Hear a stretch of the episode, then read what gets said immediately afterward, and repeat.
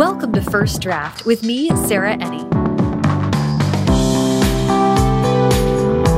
This week I'm talking to Angie Thomas, number one New York Times bestselling author of The Hate You Give and On the Come Up, about her latest book, Concrete Rose, as well as the upcoming co authored romantic YA Blackout.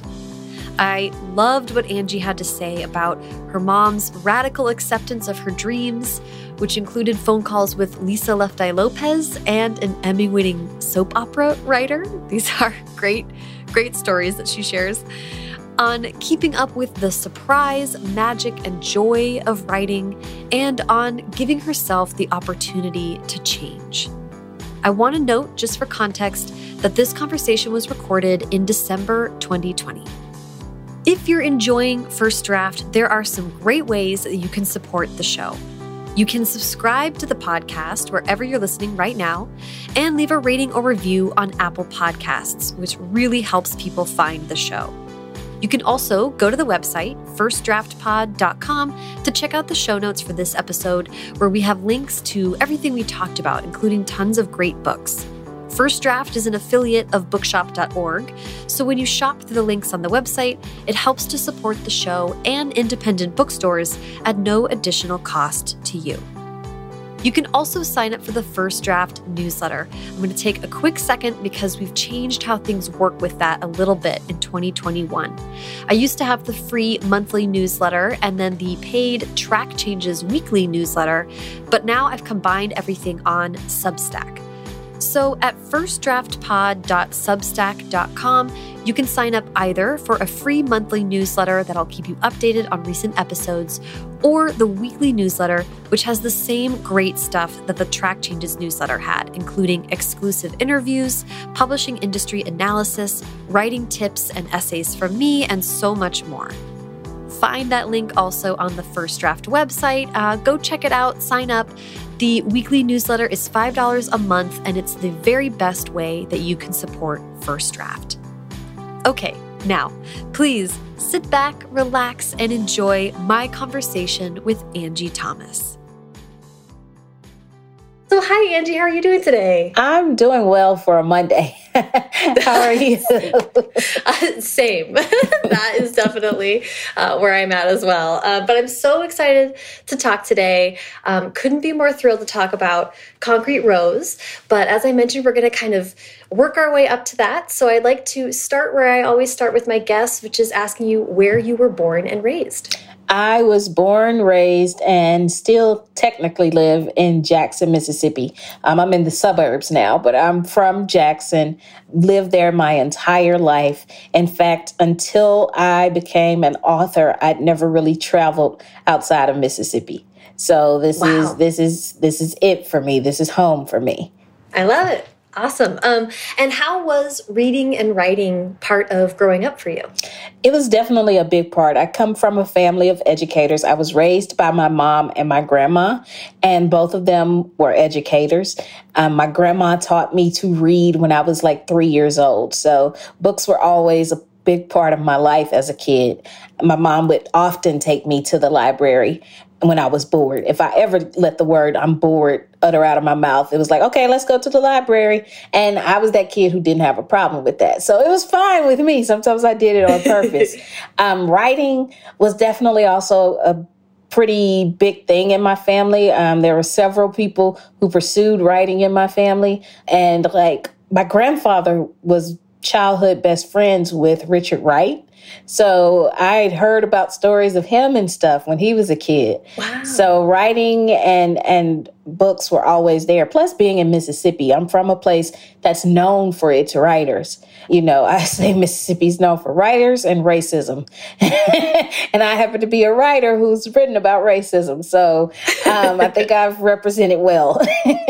You're the, the natural conclusion of the legacy of Mississippi. Yes, yeah. yes. Um, that that's so interesting that you kind of grew up with this literary legacy kind of in the water, as you say. Yeah, yeah, absolutely. My grandma, she was a huge reader, and I think she wanted to be a writer, but she wasn't sure if it was something she could do.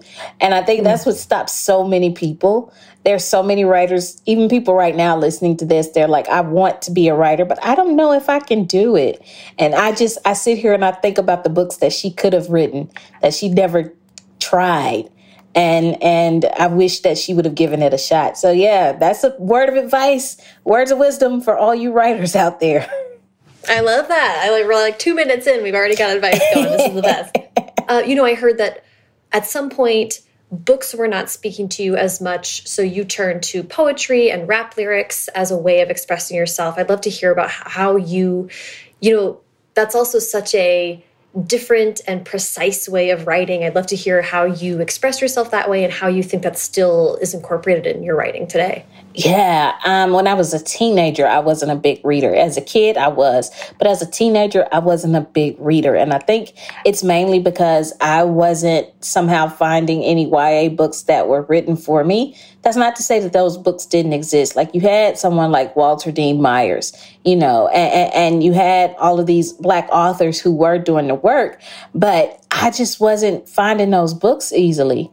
And so I was not into reading. Um, like when I was a teenager, Twilight was huge, and I just I couldn't connect with that, you know. So I figured that meant books weren't for me, and that's nothing mm-hmm. against Twilight. It's just I'm like I can't bring home a vampire to my mom and let her. No, are you kidding me? You know. so um, I, I, I don't. I made the assumption that books weren't for me. So hip hop was for me. It was rappers were telling the stories I connected with, and I thought that was how I could express myself as well through storytelling, through hip hop storytelling. And it was a way to make myself heard, and it was a way to be a storyteller, and it was a way to be a poet all at once. So it was a natural thing to gravitate towards. I will say, you know, I wasn't the best at it, but I'm thankful that I had that experience because I feel like it made me a better fiction writer when I decided to shift gears. It taught me to be authentic. It taught me to be precise with my words and, and to choose words with intention um, mm-hmm. every single time I'm on the page. So, yeah, I have to credit hip hop for helping me develop as a writer. Yeah, yeah. Okay, I do have to ask though. I understand that you were sort of uh, you were more into hip hop than than necessarily books in the library. But I did hear that you were writing fan fiction, particularly about passions yes. and soap opera fan fiction. I am obsessed with this story and I would love to hear. I specifically would love to hear. I heard that you got great advice from like an Emmy award winning mm -hmm. uh, soap opera screenwriter. I would just love to hear the story if you could please tell it. Yeah, no problem. Um, so, once upon a time, there was a soap opera called Passions that came on NBC, and it was the wackiest soap opera to ever exist, to put it mildly. Like there was once a storyline where there was a house sucked into a portal to hell. There was a talking doll on the show, a witch, all kinds of stuff. Like Passions just, they didn't think outside the box. They blew the box up. Like there, was, the box didn't exist.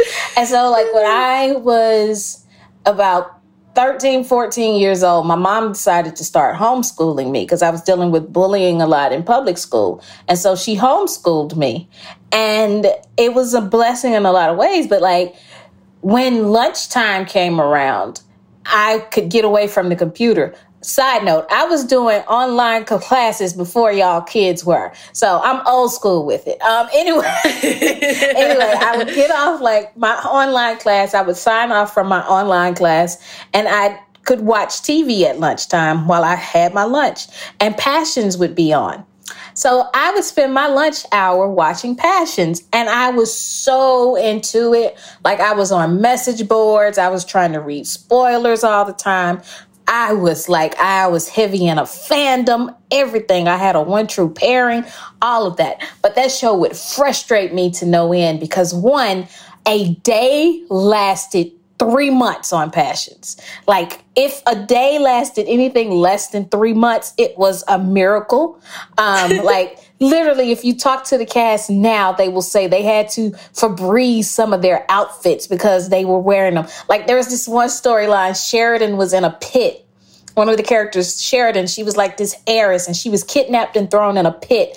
And they had to keep the outfit looking nasty and they would Febreze it every single day for months. and she says now the odor of Febreze makes her sick because she thinks about that. so that show traumatized these actors. But like for teenage Angie, it was everything. But I would get frustrated with storylines. And so that writer brain in me that had always been there, I started coming up with the ways the stories could go on my own.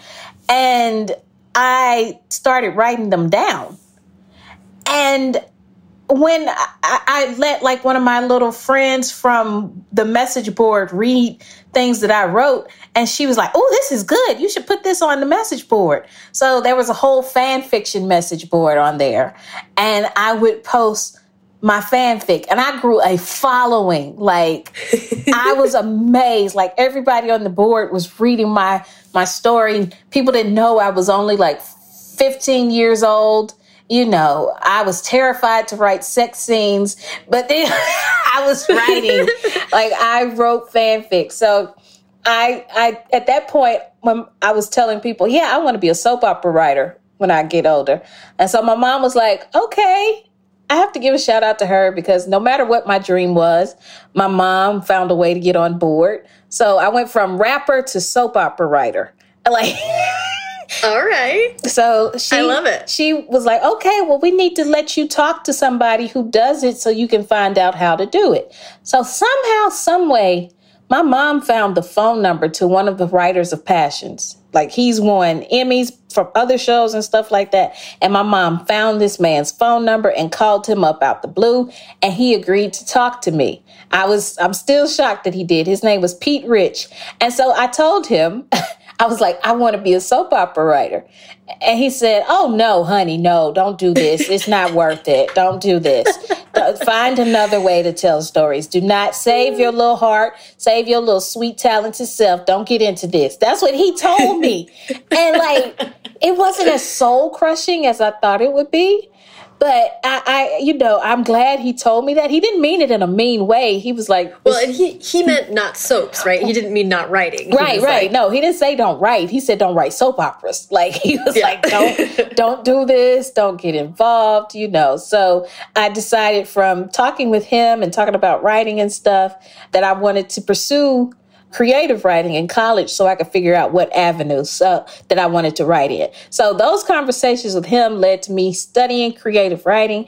And in my creative writing program is where I wrote The Hate You Give as a short story. So basically what I'm saying is passions is the reason that The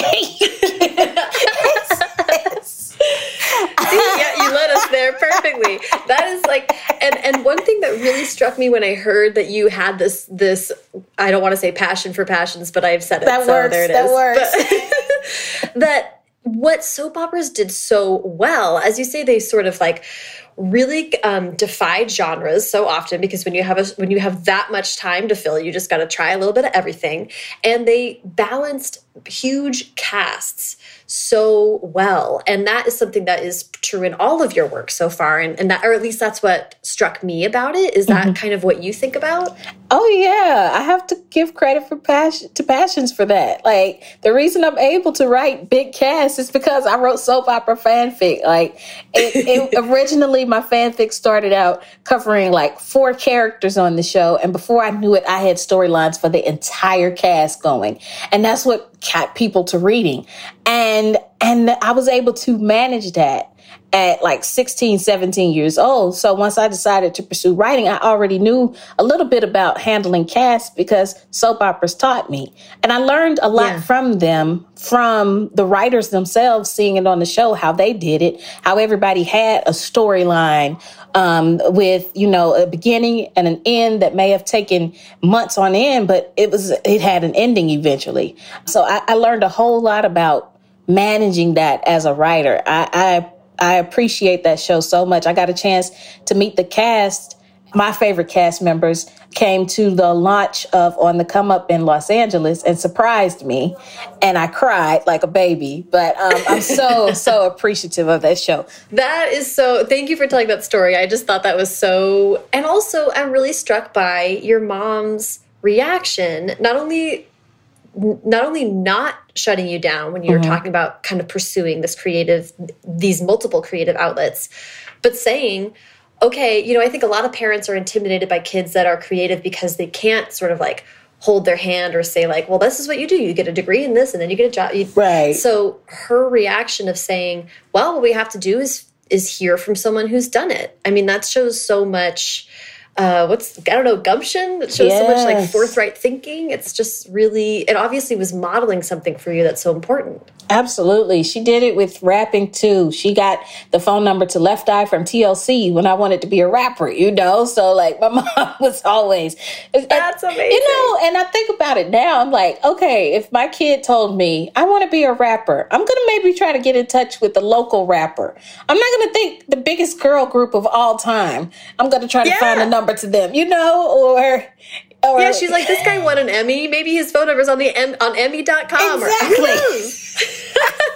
like she didn't just go find just anybody. She'd go get people who were the best at what they did. And and I think it's so important for kids to have that. To if you don't see it, you don't believe it. And connecting with them made things seem possible to me.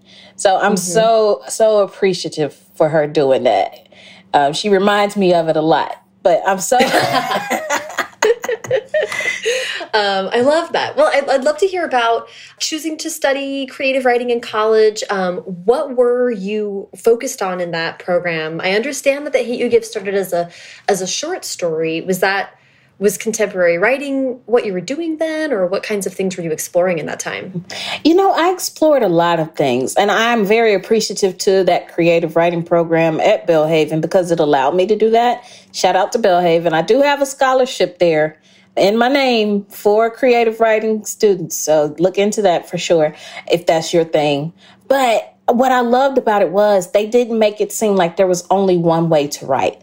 So I took classes on poetry, I took screenwriting classes, I took nonfiction classes, I took journalism classes, I took fiction classes so that I could figure out what worked best for me. It was it was so helpful. I, I was able to pick up skills for each one and explore each one and eventually realize I want to tell fiction. Now, the kind of fiction I wasn't sure about. I started out doing fantasy stories and because I thought that was the only thing somebody could do to get published, you know, like, you mm. know, Twilight, Hunger Games, Harry Potter, those were the big ones. So it has to be contemporary, I mean, fantasy fiction. And I remember having a conversation with one of my professors, and he was like, Why not write about things that are happening in your community? People should know about that. And I was like, Yeah. He's like, Who else is going to do it? Who else is doing it? Is anybody doing it in your neighborhood? No. Well, why don't you be the one to do it? That was a turning point for me. Not to say, you know, I didn't still write fantasy at some point. I'm working on a fantasy book now. But it, it, it was definitely eye opening for me to realize that there's just as much power and magic in stories about young people dealing with real life stuff as there is in stories about young people going on fantastical adventures. So it, it, mm-hmm. it, it helped me as a writer get to the point of recognizing I can tell these stories and make an impact too. Let's jump to The Hate You Give. I want to talk more about kind of the development of that novel. And in case people have been living under a rock, um, I would appreciate you maybe pitching that book for us before we talk about it in more detail, please. Yeah, sure. Um, the Hate You Give follows 16 year old Star Carter, who finds herself living in two different worlds the black poor neighborhood where she and her family reside, and the upper class, mostly white school where she attends. And her life is turned upside down when she's the sole witness when her childhood best friend Khalil is killed by a cop. Khalil was unarmed. And what Star does or does not say could not only change her community, but it could end her life. Mm-hmm. I heard that it started as a short story and that your advisor kept having to try to rein you in because it was quickly ballooning out of control. Is that is that correct? yes, that same professor who gave me that golden piece of advice. He's actually he's an author. His name is um, Howard Bahr, and I would turn in bits and pieces every week because it was my senior project, and we were supposed to turn in parts to show that we were actually doing it and getting things done. And I would turn in long pages and and he's he read over him over them and then like call me up or email me or talk to me after class. And he's like is this the whole story? I'm like no no that's just like the first 25 pages. He's like darling this is this is this is a lot like for a short story i think you're starting to write a novel you know here i am turning in like 40 pages for a short story He's like, no, I don't. You're writing a novel, short. I need it short, sweetie. And so he, he said, maybe after graduation, you could turn this into a novel. But right now, I just need a short story, a couple of short stories for the collection. so that that that um he he he planted the seed for me later turning it into a book. Um and yeah it started as a short story that i just couldn't stop writing. Yeah that's so interesting. And it's interesting that you had explored all these different forms of writing. I mean mm -hmm. was that something did that kind of was that a light bulb moment? Did you leave thinking like, yes, novels are 100% what I'm most naturally drawn to? Yeah, honestly, honestly, I did. I am not good at poetry. I don't get poetry like I should. I'm just, I'm going to admit it. A lot of times I'm ignorant when it comes to poetry. I'm like, oh, okay, all right. You know, I don't understand sometimes why poets make the breaks where they make them and things like that. So I respect it. Mm-hmm. I think it's beautiful, but it's not for me. Um, screenwriting, I do like, but I couldn't do nearly as much in a script as I wanted to do. And then like journalism, I think journalists are amazing, but it was not for me. So fiction writing, um, prose was like natural for me. I loved the dialogue form, the dialogue part mm-hmm. of screenwriting but I didn't like that I couldn't do nearly as much describing and getting into the characters' heads. So mm-hmm. I left there knowing, okay, I'm going to write books and I'm going to write them for young people. That was another thing I knew from jump. I did not like writing stories about adults. Like at mm. all, I did not. I always made my characters younger. And I think it's because part of me is still 17 at heart. but also it it was I felt like I had way more possibilities storytelling wise with young characters than maybe adults, and adults are boring. So I left college, but I left college knowing I wanted to pursue um, YA and middle grade. So the hate you gave, I want to I want to ask about the process of, um, and I don't again I don't want you to repeat yourself too much because I know that in between the short story and the Hate You Give being mm-hmm. expanded into a full novel, that you wrote a whole middle grade fantasy that didn't, um, that you weren't able to mm -hmm. get representation for, I think. Is that right? Or actually, that got tied up? Kind of? It kind of did. Yeah. It's, I haven't really talked about it nearly as much as I should and how that whole thing worked out. Um, but I can talk about that. Well, I'm, I'm, the core of my question is asking about taking a short story and expanding it mm -hmm. to a novel but i but i would just i would love to hear the story of how it kind of led how you got to the point of selling the hate you give yeah okay well i'll start with about the process of taking it from a short story to a novel because i was so eager to write so much for this story turning it into a novel wasn't nearly as hard as it may traditionally be for someone who's taken a short story and making it into one i knew the, the characters and i was able to add back add characters back in that I'd maybe taken out and and storylines that I had maybe taken out and expand on some things as well. The it was a short story collection actually for my senior project. So one was from Star's perspective, one was from Khalil's perspective, one was oh. from Khalil's little brother's perspective, and one was from a young girl who also lived in the neighborhood who was Khalil's little brother's best friend. So, mm. in some ways, those characters, the other two, Khalil's little brother and the little girl, their char- those characters and their stories kind of got absorbed into other characters. So there are bits and pieces of Sekani and I mean the little brother in Sekani. Um, there are mm-hmm. bits and pieces of the little girl in um, Kenya and her story and her and her parents and all of that. So I, I was able to find the threads in those short stories and that I wanted to expand out, that I wanted to pull out. So it wasn't as hard as I thought it was going to be. But I knew from jump that this shooting death of this young man was at the core of the book and mm-hmm. Star's dealing with it. Originally in the short story, Star didn't see it. And oh, okay. that, that could have still worked as a book but I felt like she had to be there in that moment to really make it a bit more powerful, to make it punch a bit harder. Um, mm-hmm. So, so that even her being afraid to speak up and speak out for Khalil, it we we get a bit more of the weight of it if she's there, and not just if she heard the gunshots or she saw him right before it happened or something like that. So, mm-hmm. um, it, it was it was much easier to do than I thought. Um, I know some people are like, I can't take a short story and make it into a novel. But if you look at those characters individually, you will find threads that you can pull out. And, and you will find bits and pieces in ways you probably don't notice at first. Well, something else that you mentioned in talking about The Hate You Give was that uh, you were writing as a short story, and you said that at times you had to put it aside, perhaps when you were expanding it to a novel, because it was such an emotionally taxing story to write. Mm -hmm. um, and of course, is about police violence and systemic racial injustice and is very personal. Being in that space where you want to be emotionally honest, but it is very taxing on you as a person to to do that. How did you find that balance and how did you get through it? Um well, I will say this for all writers self care is important. You know, some stories you write, they're going to be a bit more traumatizing than others.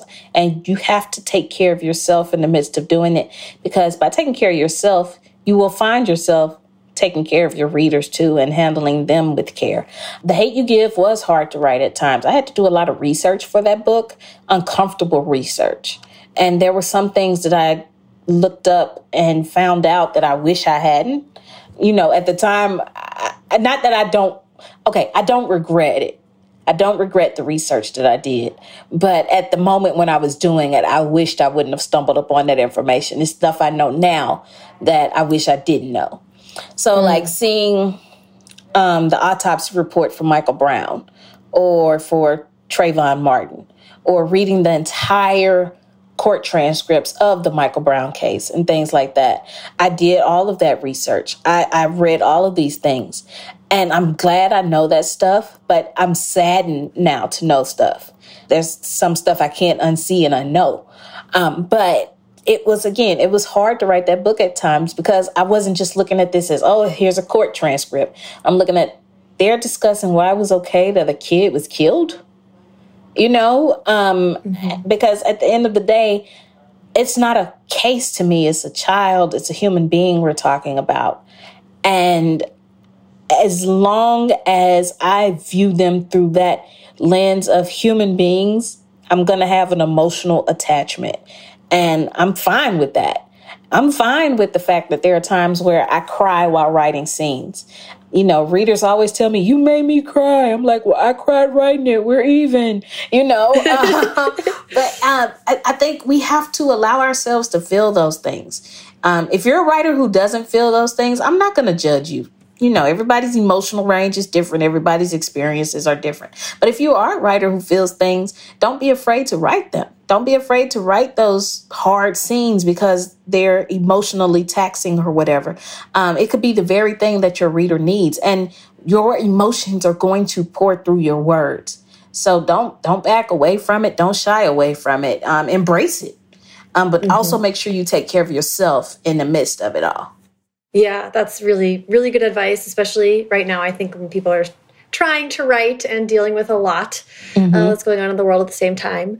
I want to ask about the very, very unique experience of releasing this book into the world uh, because a lot of it was even going on before the book was even out. Like, mm -hmm. I'd love to hear you talk about like the the process of selling the book it's in this 13 house auction mm -hmm. which is just a, a, totally unique and strange experience in and of itself but then also the movie gets rolling before the book's even out i mean like so much was kind of moving yeah. before it was even in the world I, I mean anything you'd like to share about that time and what that experience was like for you, I'd love to hear. Yeah, that was a whirlwind. Even getting agented was a whirlwind.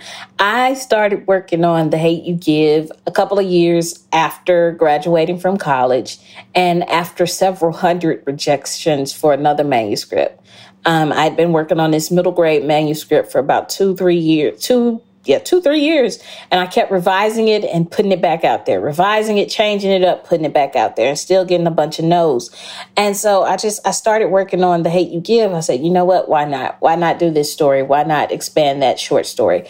But I still wasn't sure if it would be something that could get published. So mm-hmm. I ended up one day on Twitter when a literary agency had a Q&A session and I asked if you know, it was okay for a YA book to address something like the Black Lives Matter movement.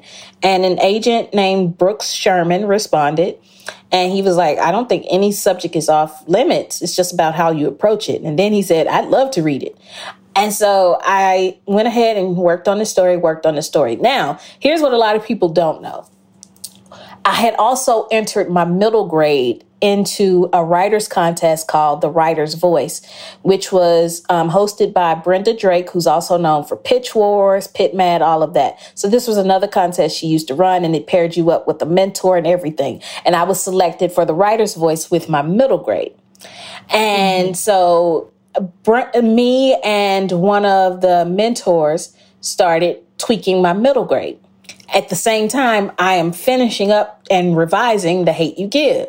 So I'm working on two books at once. And I'm like, okay, if one doesn't go, I got something else on the back because I told myself if this doesn't work for this middle grade, I'm going to move on to this book. And that's another mm-hmm. word of advice. Don't get stuck on one book. It's okay to move on to a different project. That book may be the book of your heart, but it may not be the book for right now. Okay, mm-hmm. that's all mm-hmm. it is.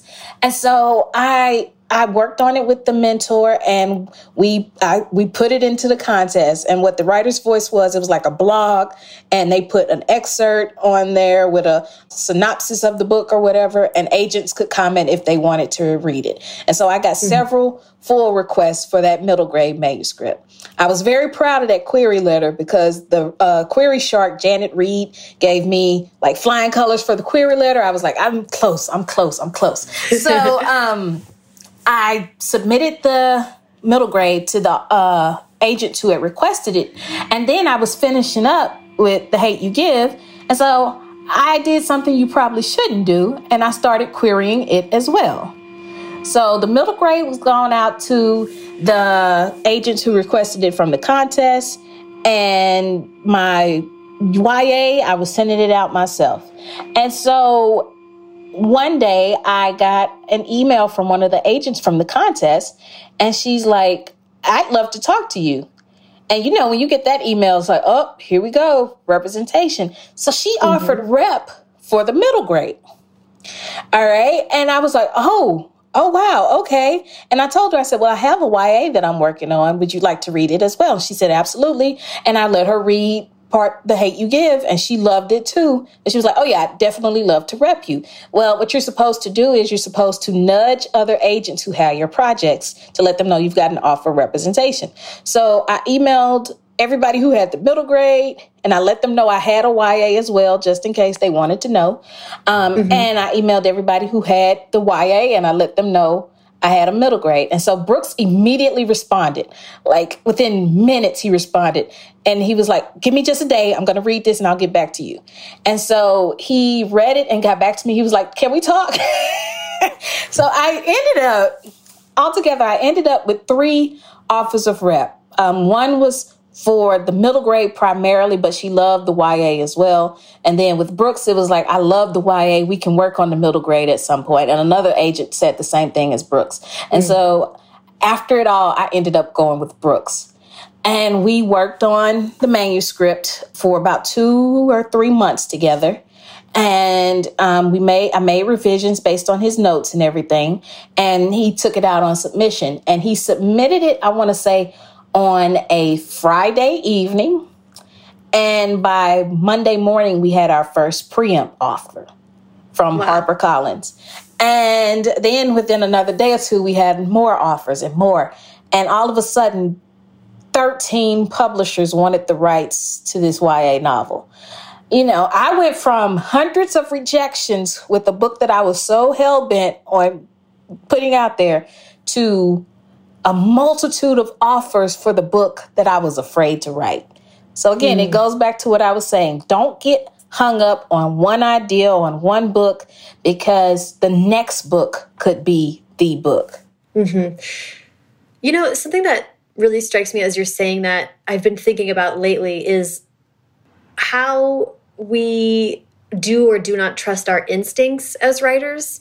You know, like you're saying, and this is kind of common advice is like write the book that you're scared to write, right? Yes. Like it's I think it's a matter of like understanding what those feelings are and then how to interpret them in certain situations. Because like you're saying also people have books of their heart that they don't want to give up on and it's like well sometimes that means you're too close to it mm -hmm. and actually that means you need to step away. It's it's very that's part of what the like emotional tangle of being a writer gets. Yes. you get into tough spots like that right? Yes yes absolutely. But i will say i i'm looking back at that middle grade and i see a lot of gems in it and i've been pulling that into the middle grade i'm writing now so mm. um, I'm, I'm, working on my first middle grade fantasy novel, and there are some bits and pieces from the original that I'm taking from that one. And I've, I've found a way to actually incorporate that into this book. Um, incorporate that whole story into this book. So, like, wow. there's going to be a book within the book a fantasy book that the middle grade char- that the characters in this book read and it's the oh middle grade and it's basically the book that was rejected hundreds of times so That's amazing. you just I love to, that. You just have to find ways, and it's okay to get um to let things go and get detached from it for a bit. But I'm finding a new way to bring it in. It's gonna be fine. It's gonna work. I love that. That's so smart. That's so great. Um, so so the 13 uh, publishers hash it out. You mm-hmm. decide to go with Balzer and Bray with HarperCollins. How does everything else kind of roll out? I mean, mm-hmm. you in my in my empathizing with your situation or trying to put myself in those shoes immediately that's a lot of pressure too that's a lot of expectation i mean how were you feeling as all this was kind of building up it was it was the craziest week of my life like i talked to those editors over the course of a week and then within like another week and a half i was talking to producers hollywood producers and directors and screenwriters who wanted a shot at this and like over the span of two and a half weeks, I talked to at least 30 people who loved my book and who were interested in either publishing it or making it into a film. Um, wow. And and for me, it was a it was wild. At that point in my personal life, I was not what I would have thought a quote unquote writer should be. Like I, my mom and I, we were struggling financially. I was on public assistance and I was working a job. I was a mm-hmm. secretary at a church. I still had an old Nokia phone. I couldn't afford a good cell phone and I had an awful signal at work. So I would go down to my car and sit in the parking lot and take these calls. In fact, one day my battery went dead because oh, I was no. sitting in the parking lot taking calls with all of these people. But it, it was it, it was mind blowing to me that I went from writing these stories and not knowing if anybody would ever publish it, publish them to having my choice of publishers. It, it was mm-hmm. definitely a lot of pressure, but I, I did take the time to revel in that because when you're so used to being rejected, all of a sudden you become the rejecter. You know, mm-hmm. the rejector. Mm-hmm. I can reject them. Um, it, it, it, was a nice shift in power. yeah. But I will say, my agent made it clear to me that there was no wrong way to go about it. Um, you know, he'd set things up in such a phenomenal way that I couldn't have made a bad decision. So I'm super mm-hmm. appreciative of that. Yeah, I mean that I guess is is sort of that's sort of, I guess, at the heart of, of my curiosity about this time in your life is how you go from, you know, we're all sort of, but when you're an aspiring writer, you're whoever you are at whatever desk you're able to cobble together, right? Mm -hmm. And you have a Word document and a dream. Mm -hmm. and mm-hmm. then um, it, it's people like agents and editors who are so skilled at looking at a Word document and seeing its potential. But mm -hmm. You so quickly were put in a position of needing to like understand the power that you had and and how to make smart decisions for yourself in like a totally different world you know a couple of totally different worlds. That's um at that at that point sometimes people don't make the best decisions. I mean did you feel like who were you turning to at that time? Did you feel like you had any kind of anything in your life that had helped prepare you for that moment you know um i'm thankful for having a mom you know who's very supportive and I'm thankful for the writing community in a lot of ways because so many there's so many resources available that can answer some questions just from the business side. But from the mm-hmm. emotional side, it was it was something it was a whirlwind. You know, I would say I'm only now getting comfortable in the position I'm in, which is a weird thing to say, but I'm only now getting comfortable in it. You know, it's so weird. It's honestly, it's still weird to know that, you know, the name Angie Thomas, if you Google it, I have a Wikipedia page, you know, mm-hmm. um, I, you know, if you look up, I, I don't know why, but one day I just I was googling, I was doing research on something recently, and I was I googled YA authors for like some side project I was doing for political stuff because I was like, okay, who all do I need to get in touch with? My brain is blank. YA authors. So I Googled YA authors, and who's the first result? Me. I'm like, this is weird. but that's wild. It is, but I don't ever want to get used to it because if I ever get used to it, I feel like that takes a bit of the joy from it. And it it takes a bit of the magic from it. You know, mm. I, I love what I do, and I love being surprised that readers enjoy my books. I never want to get to the point where I expect people to enjoy what I do. I love being surprised by it. And I want to keep that because it makes me want to work harder. It makes me want to do better. Um, so mm-hmm. if I could keep that surprise, I, I, think I'll be set. But yeah, emotionally, I had to get in therapy. I'm not going to lie to you. Good, I good. Mean, I'm I'm a huge therapy proponent over here. So I'm ser- yeah, I'm so serious. Like my life was turned upside down, and this is all. These were all things I dreamed of happening. But when we dream, we don't dream of, oh, how's my mental state going to be? How's my emotional state going to be? No, we don't think about that part. We think about the fun stuff. So when you start yeah. dreaming, prepare yourself for the other parts of it as well. Keep that in mind.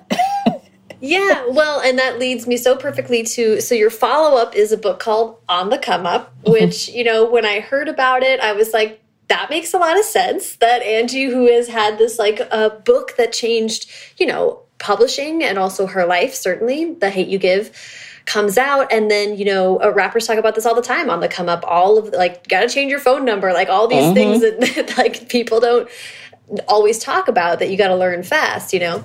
Um, i'd love to hear um, before we talk in specific about on the come up do you mind pitching that book for us? Mm-hmm. yeah on the come up also takes place in garden heights and it follows 16 year old Bri who wants to be a rapper. And um, her life is turned upside down when one, her mom unexpectedly loses her job, and two, a song she makes goes viral for all the wrong reasons, and she finds herself in the center of a controversy too big for her to control. But as her family situation gets worse, she finds herself desperate to make it, even if it means becoming the very thing everybody's making her out to be. Oh, so good at that. Good job. I've been doing um, this for like two years now. I, so I, I was going to say, I think you've had a lot of experience. Uh, um, this is so I want to, I would love to hear you talk about the parts of Bri's story that correlated to your experience or what you were able to sort of channel through Bri that you were experiencing in your own life. Okay. Yeah. Several things. Um, for one, of course, when I was 16, I wanted to be a rapper because I thought it would help my family out financially. That was one reason. And I saw hip hop as a great avenue for that. And I was very passionate about helping my family and, and our financial situation, um, especially after my mom unexpectedly lost her job. And then I also dealt with censorship Um, the Hate U Give is one of the top 10 most banned books every year, according to the ALA. And the first time it happened, the first time I heard that a school banned or a school district banned The Hate U Give, it was it threw me for a loop. It was shocking. Mm. It was hurtful. It angered me. I felt all of these things at once. And I had to I had to look at it though from the perspective of my readers, specifically the ones who see themselves in Starr. The message mm-hmm. that was being sent to them was your story makes us uncomfortable, therefore nobody mm-hmm. should read it. And I take mm-hmm. issue with that. So I had to ask myself, well, what's it like for young people who are often judged for how they say things as opposed to people listening to what they say? when I got banned, that's what it felt like. They wanted to cite, oh, the book has too many F bombs, too much language. That's a cop out. But if you want to go that route, okay, fine. So you're not happy with how I said things, but are you paying attention to what I'm saying? And that's the message we send young people on a day to day basis.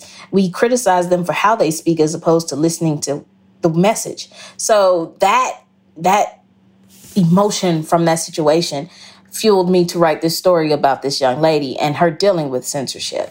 But I think those are the main two factors. Um, and also, mm-hmm. I'm a mm-hmm. nerd like Bri. Um, you know, I, I, love my nerd stuff. She loves Star Wars and Avengers and all that, and I'm the same way. So I, I could definitely relate to her. Um, well, let's let's jump to Concrete Rose because it's it is also in Garden Heights. Um, I do want to kind of just just behind the scenes track how these things are rolling out. Like the hate U give, of course, I'm not sure when the timeline is for writing on the come up with relation to how or when the hate U give came out. And then where was Concrete Rose and all that? Can you kind of tell us how that has all played out? Yeah, um, on the come up was the hardest to write of the three because it was in the midst of my life being changed. I'm writing on the road and in hotel rooms instead of mm. at, on my couch like I'm used to doing or at my desk like I'm used to doing. So it, it took the longest of the three. On the come up was like initially supposed to come out in the summer of 2017. Mm-hmm. Um, which you know, looking back on them, like there is no way that could have happened. I'm glad it didn't. It, it, was hard to get that book done, and it was hard adjusting to being a published author because when I yeah. wrote The Hate U Give, I was writing it without many expectations at all. And suddenly I'm a published author and there's all these expectations on me now, whether self inflicted or otherwise. Um, mm-hmm. So that book, I'd say that book took about the hardest year and a half, two years of my life. mm-hmm. um, and when I finished it, I knew that I wanted to do another story in Garden Heights, but I wasn't sure where. And it was in talking with Russell Hornsby from the Hate U Give film and seeing his portrayal of Maverick in the film that made me fall in love with that character on another level. Russell was brilliant. He should have gotten some awards. But having conversations with him about Maverick while on set and then seeing the way people reacted to the character, not just in the book, but in the movie, it, it kept bringing Maverick back to me. So by the time On the Come Up came out in February 2019, I knew then that I was going to write a Maverick book. In fact, I teased to it while on tour. But I got a chance to really sit down and work on that book after I finished touring for On the Come Up. And I wrote that book during the very beginning of pandemic and quarantine.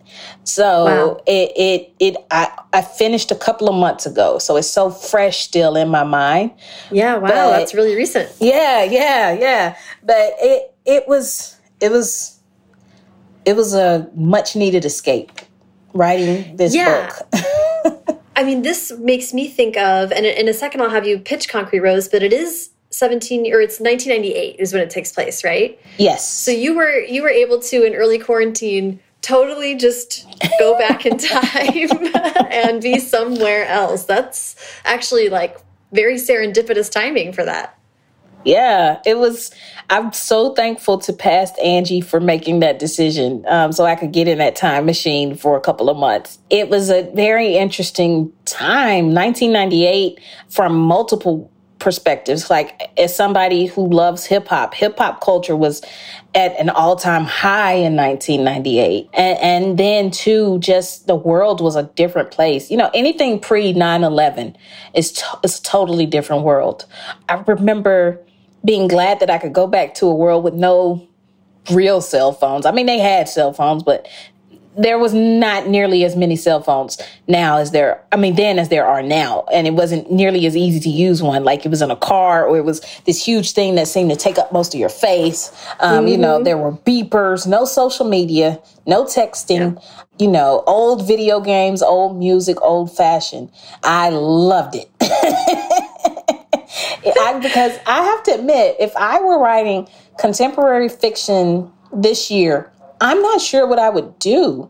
As far as as a writer, do I address quarantine and the pandemic? Like, do YA writers going forward, what's going to happen with stories about high school now? You know, or is it just mm-hmm. going to be about Zoom? What's going to happen to love stories? Are kids going to have first dates over Zoom and have to kiss through a mask. Like, what? How do we approach this and do it responsibly? You know, um, but yeah. accurately. So I, I'm glad that I didn't have to wonder about that.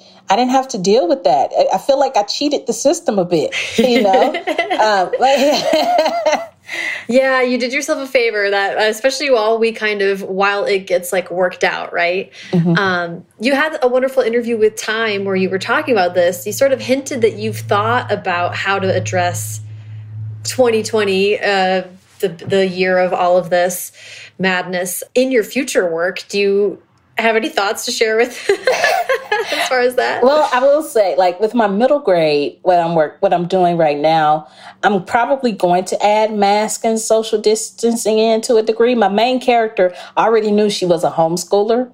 Um, because uh -huh. I wanted to finally write about a homeschool kid since I was homeschooled. So that, like that part, that's easier to do. But it's the other mm -hmm. stuff because she starts out i'm spoiling my book my publisher's going to kill me she starts out she starts out in our regular world. And, mm-hmm. uh, you mm-hmm. know, um, parts of the story are going to take place here in the regular mm-hmm. world. World. So um, I got to figure out how to address that.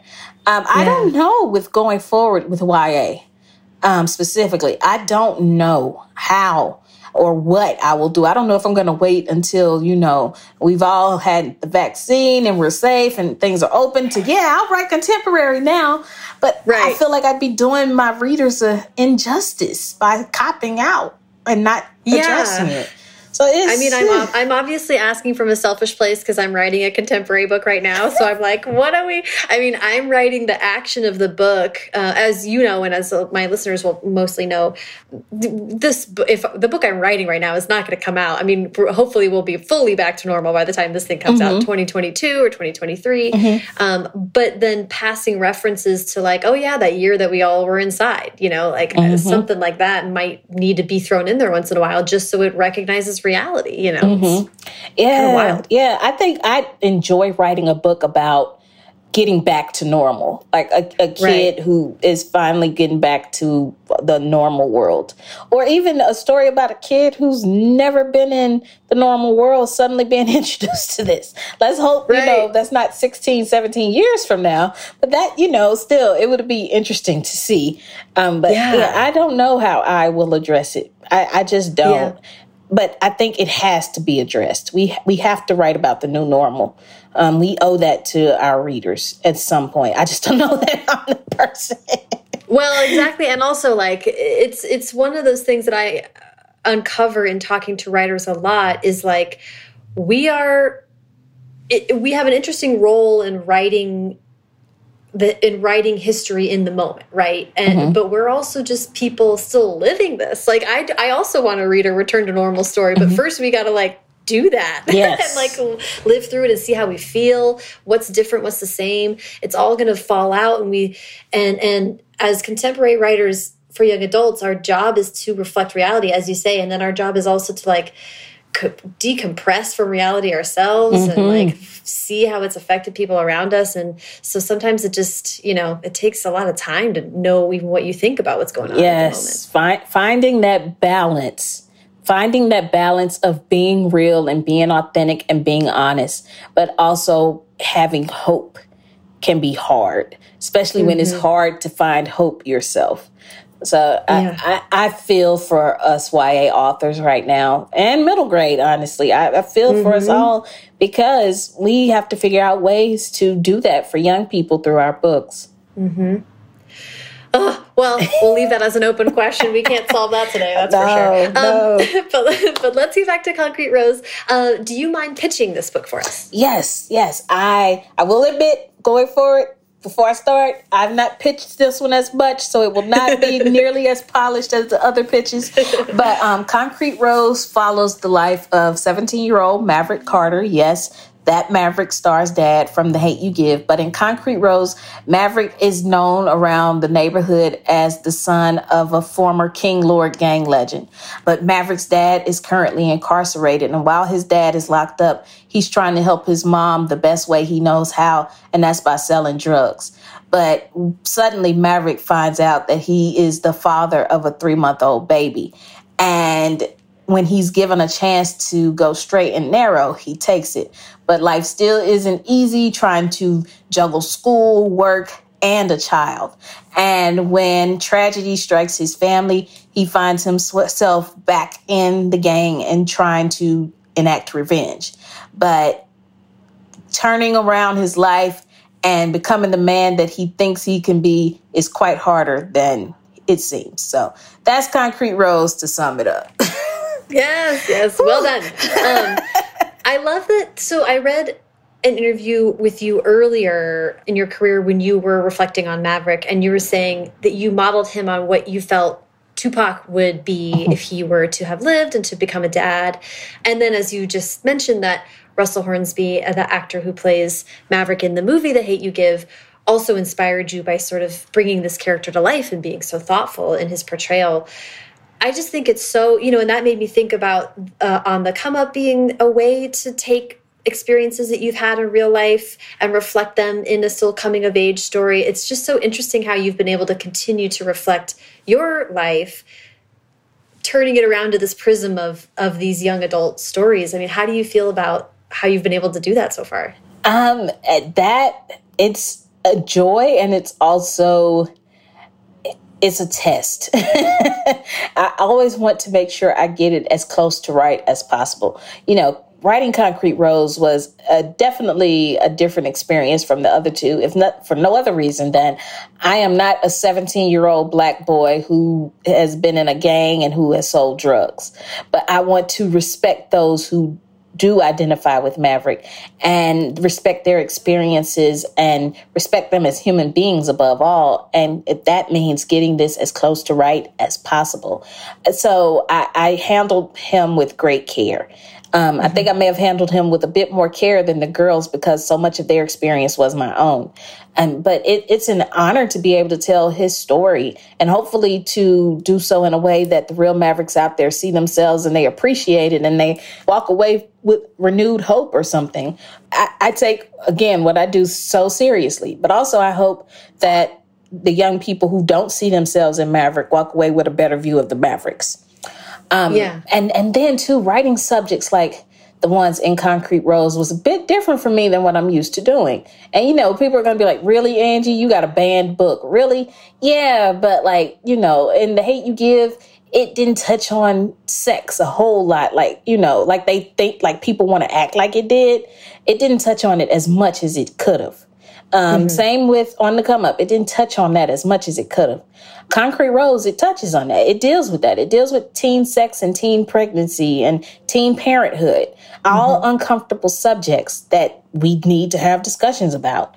So I, I recognize that when young people pick up my books, they need to be a safe space to have these discussions and to and to get perspective on these things. And that doesn't mean that my character is going to be perfect. And that doesn't mean that my stories are going to be an after school lesson, but mm-hmm. it's going to be real and it's going to be hopefully authentic and it's going to be honest. And, and I think if nothing else, I owe them that honesty. Mm-hmm, mm-hmm. You know, and speaking of that, your your two pre previous books were from the point of view of young black women. This is a young black man and I think a lot of what you're exploring, um, you know, what I was really connecting to in Concrete Rose was like this exploration of, you know, you say you wanted to give an example of how young black men are deeply caring, thoughtful, rich inner world people, mm -hmm. but what they're up against is a lot of toxic masculinity and expectations of behavior. So, since you're given the unique chance in Concrete Rose to be first person in the head of this young black man, I mean, how did you want to portray his inner world and how he was thinking? I mean, and those are a lot of tricky it's hard to write from totally not your perspective, right? Yeah. How did you think about that? I thought on that a whole lot. For me, the key, though, from the beginning was humanize Maverick, humanize Black boys. And I say that because we're still at the point where society isn't doing that. Black boys are not seen as human beings. They're seen as things that go bump in the night. They're seen as threats. And I simply just wanted to humanize him for others if no if nothing else that means showing he's vulnerable that means showing he can cry he can laugh he can have joy sadness anger frustration guilt hurt pain, hope, all of these things. He is a complex human being just like anybody else. Um, so I went into this book with that as the main goal. And, and I hope I pulled it off. But even for me as a writer, knowing that that's what I wanted to show people, it helped me in writing him better. I wasn't as intimidated by writing this character because he's a person like I'm a person. And I started mm-hmm. to put myself in his shoes a bit more. You know, take away the fact that he's a 17 year old boy and I'm a 30 something year old woman. I get being frustrated with people making assumptions about you. I get wanting to take care of things for your family by any means necessary. I get the fear of the unknown. I'm not a parent, but I can only imagine what it's like to be a first time parent. I can only imagine what it's like to go days with no sleep. mm-hmm, you know, mm-hmm. these are all human factors that I can connect with, that I understand. And that's what I relied upon. So, yeah, he made see some things differently than I do. You know, uh, he he may he may be into things that I'm not into, but there are some ways in which we connect, and which we all as humans connect. And I just mm -hmm. had to mm-hmm. tap into that. Yeah, I love that. That's yeah. It struck me as like exactly. I mean, this is the power of books, right? Is like you get to if, if a reader is entrusting you with their time, then you really get the opportunity to put them just smack in someone else's head and just there's no barriers then between that really delicious uh, transportive reading experience and then feeling like you learned something about someone else's life. Yes. Um, do you want to talk about Blackout, this really yeah. cool project that's coming uh, coming uh, coming up this year? I think. Yeah, it does. It comes out well next year technically. 2021. Yeah, oh, that's right. yeah, yeah, yeah, yeah, yeah. I'm I'm really excited about it. Blackout is entirely the brainchild of Dhonielle Clayton. Dhonielle came to me. She was like, "I want to write a book with you and my and um, our friends. And here's what I'm thinking: it's going to take place during a blackout in New York, but I want it to be love stories." And I was like, "Okay." Cool, you know. And she was like, yeah, so are you in? And I was like, yeah. She said, okay, so here's what you're going to be doing. Your kids are going to be, I need some Southern kids in New York during this blackout, maybe on a tour bus or something. And we got some love triangle action going go for it. So I'm like, okay, all right. so um, it, has been fun to write. It's, it's been a joy to work with them and, and, to discuss this little world we've crafted and these characters and how they're all connected. What I think people will find about Blackout that's so unique is that it's not an anthology. It is a book. And basically what we've done is that we've done like an Avengers style story everybody has their own plot and their own storyline, but they're all connected. And there's like one big block party or something at the end where they're all going to be connected. And it's it's going to be our Avengers movie moment, you know. But um, it, has been fun to do. It, it, it's been a relief. It's been a balm in the midst of pandemic and everything. Getting to write about joy and love and friendship, even in a story in a time where it feels like the world is on fire. Um, we mm-hmm. we don't address the pandemic in the book, which you know I'm surprised, but we didn't. And and this is a project where we made the decision you know what? We're not going to have that here. We, we want to mm-hmm. create this place of joy because people need that right now. So we purposely mm-hmm. didn't address quarantine or any of that stuff. And mm-hmm. I think, well, I hope that it gives readers some smiles and, and, and all the nice, gushy feelings on the inside.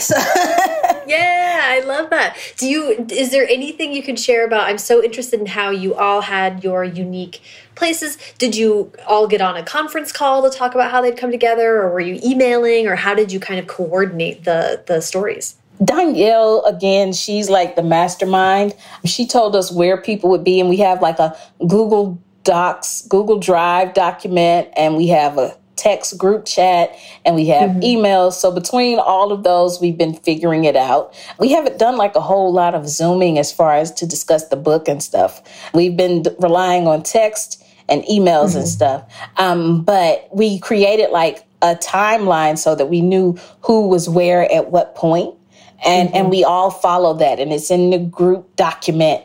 But it, it's shown me that group projects can be fun because i was scarred by those things from school. It's so true. Oh my gosh. Well when you have like i think there's I think a lot of us who become writers were the people that just took over the group projects and were like, I'll do it myself. We'll put everyone's name on it. Just let me go. Yes. yes. I was totally that person. And this time it's like all of us are putting in the right amount of work and we're carrying our load. And I'm so thankful. I'm so yeah. thankful. yeah, that's, that is so true.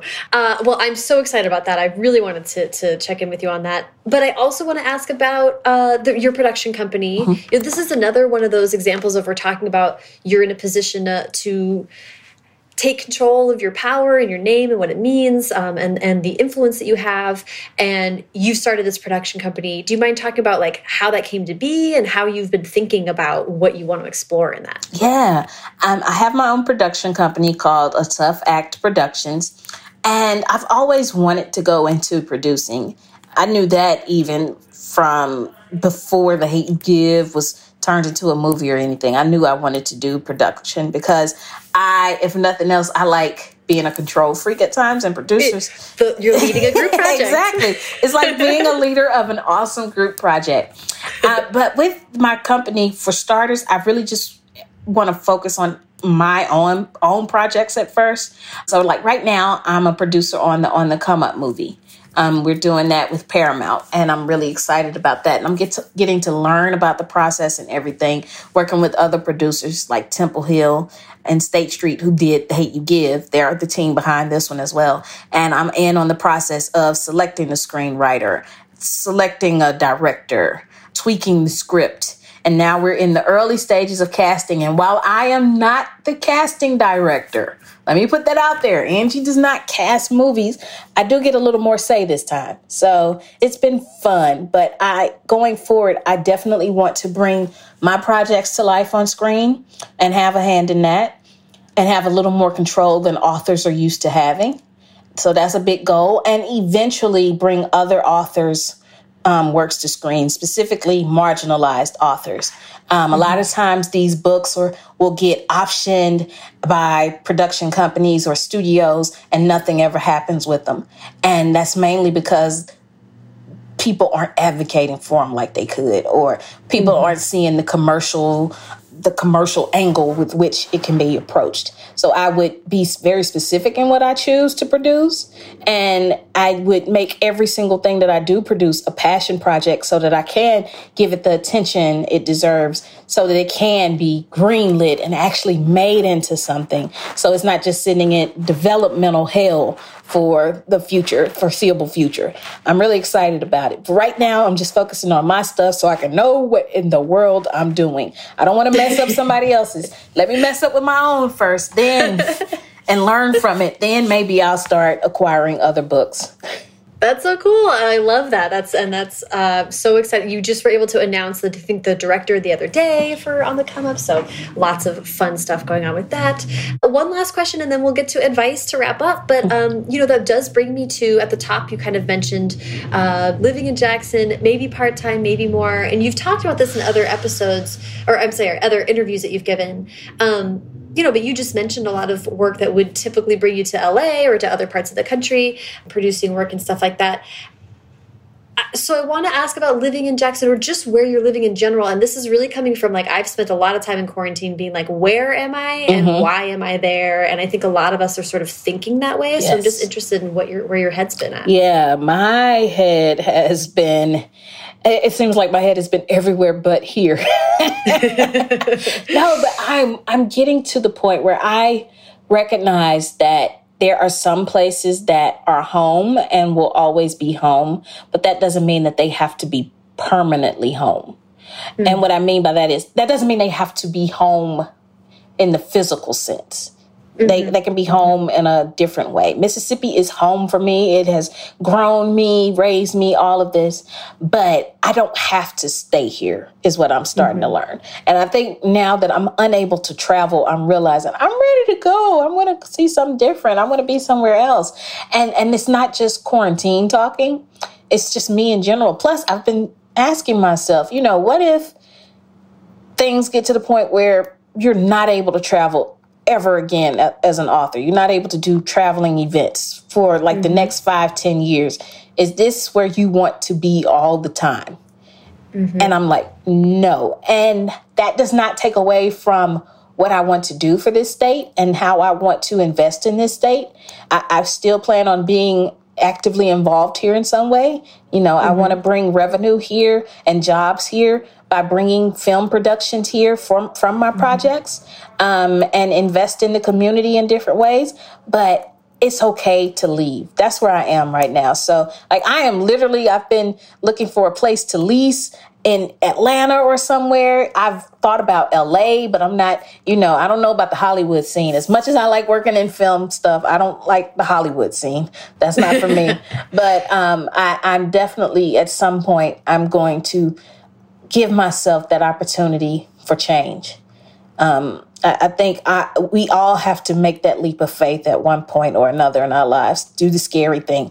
So I'm going to take my own advice and do the thing that scares me. Yeah, I think that's wonderful. I moved around a bunch as a kid, and so I think about place a lot. And then hearing you, uh, you know, reading The Hate U Give and, and hearing Maverick talk through this concept of what it means, where you are and why, and, mm -hmm. and not abandoning home just because you're trying something else out for a while. I was like, oh, it seems like she's been trying to give herself permission to maybe do something different for a while. Yes, you nailed it. Oh my God. You're the first person to notice that. Like, Maverick's struggle is mine. That is my struggle 1000%. And it started with me leaving my old neighborhood, and now it's with me leaving my state. So you mm-hmm. just help me out. Like, well, I'm all about, I'm, I'm, as I said, a huge therapy advocate. So that's all what I'm trying to get to in these podcast interviews always.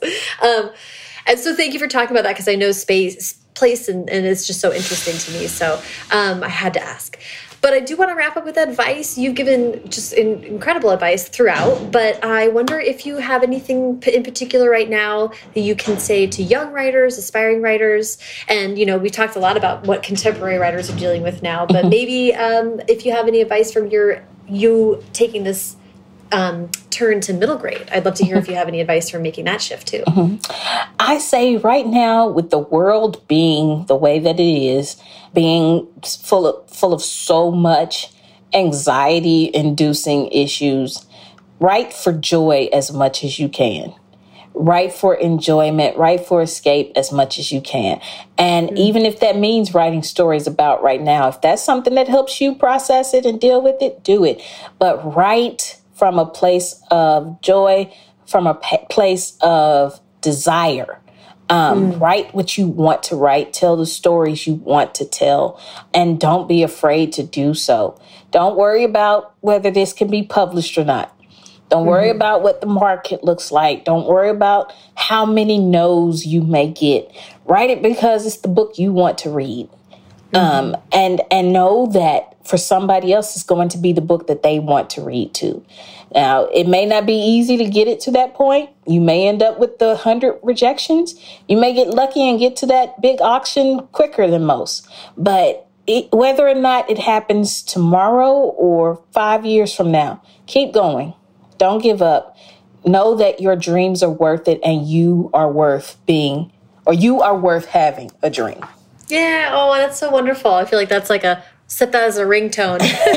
Inspiring piece of advice. Um, this has been such a pleasure to talk to you today, Angie. Thank you for giving me so much time. We went way over, but I'm, I'm so appreciative that we got to get to everything. Thank you. Thank you so much.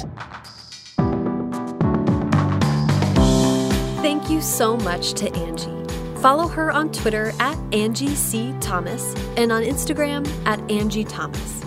Follow me on both at Sarah Enni and the show at First Draft Pod.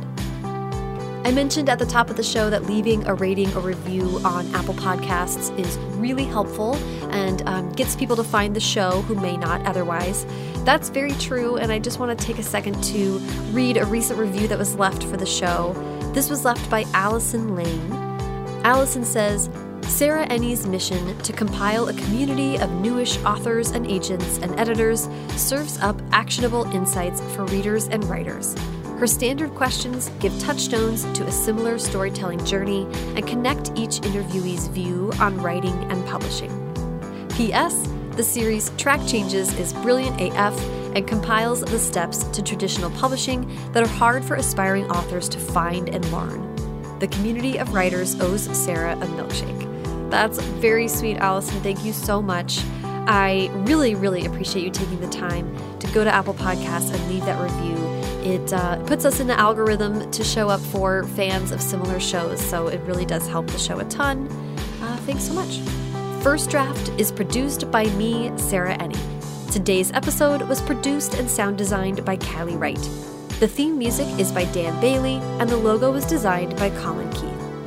Thanks also to transcriptionist at large, Julie Anderson, and as ever, thanks to you, Passions Fanatics, for listening.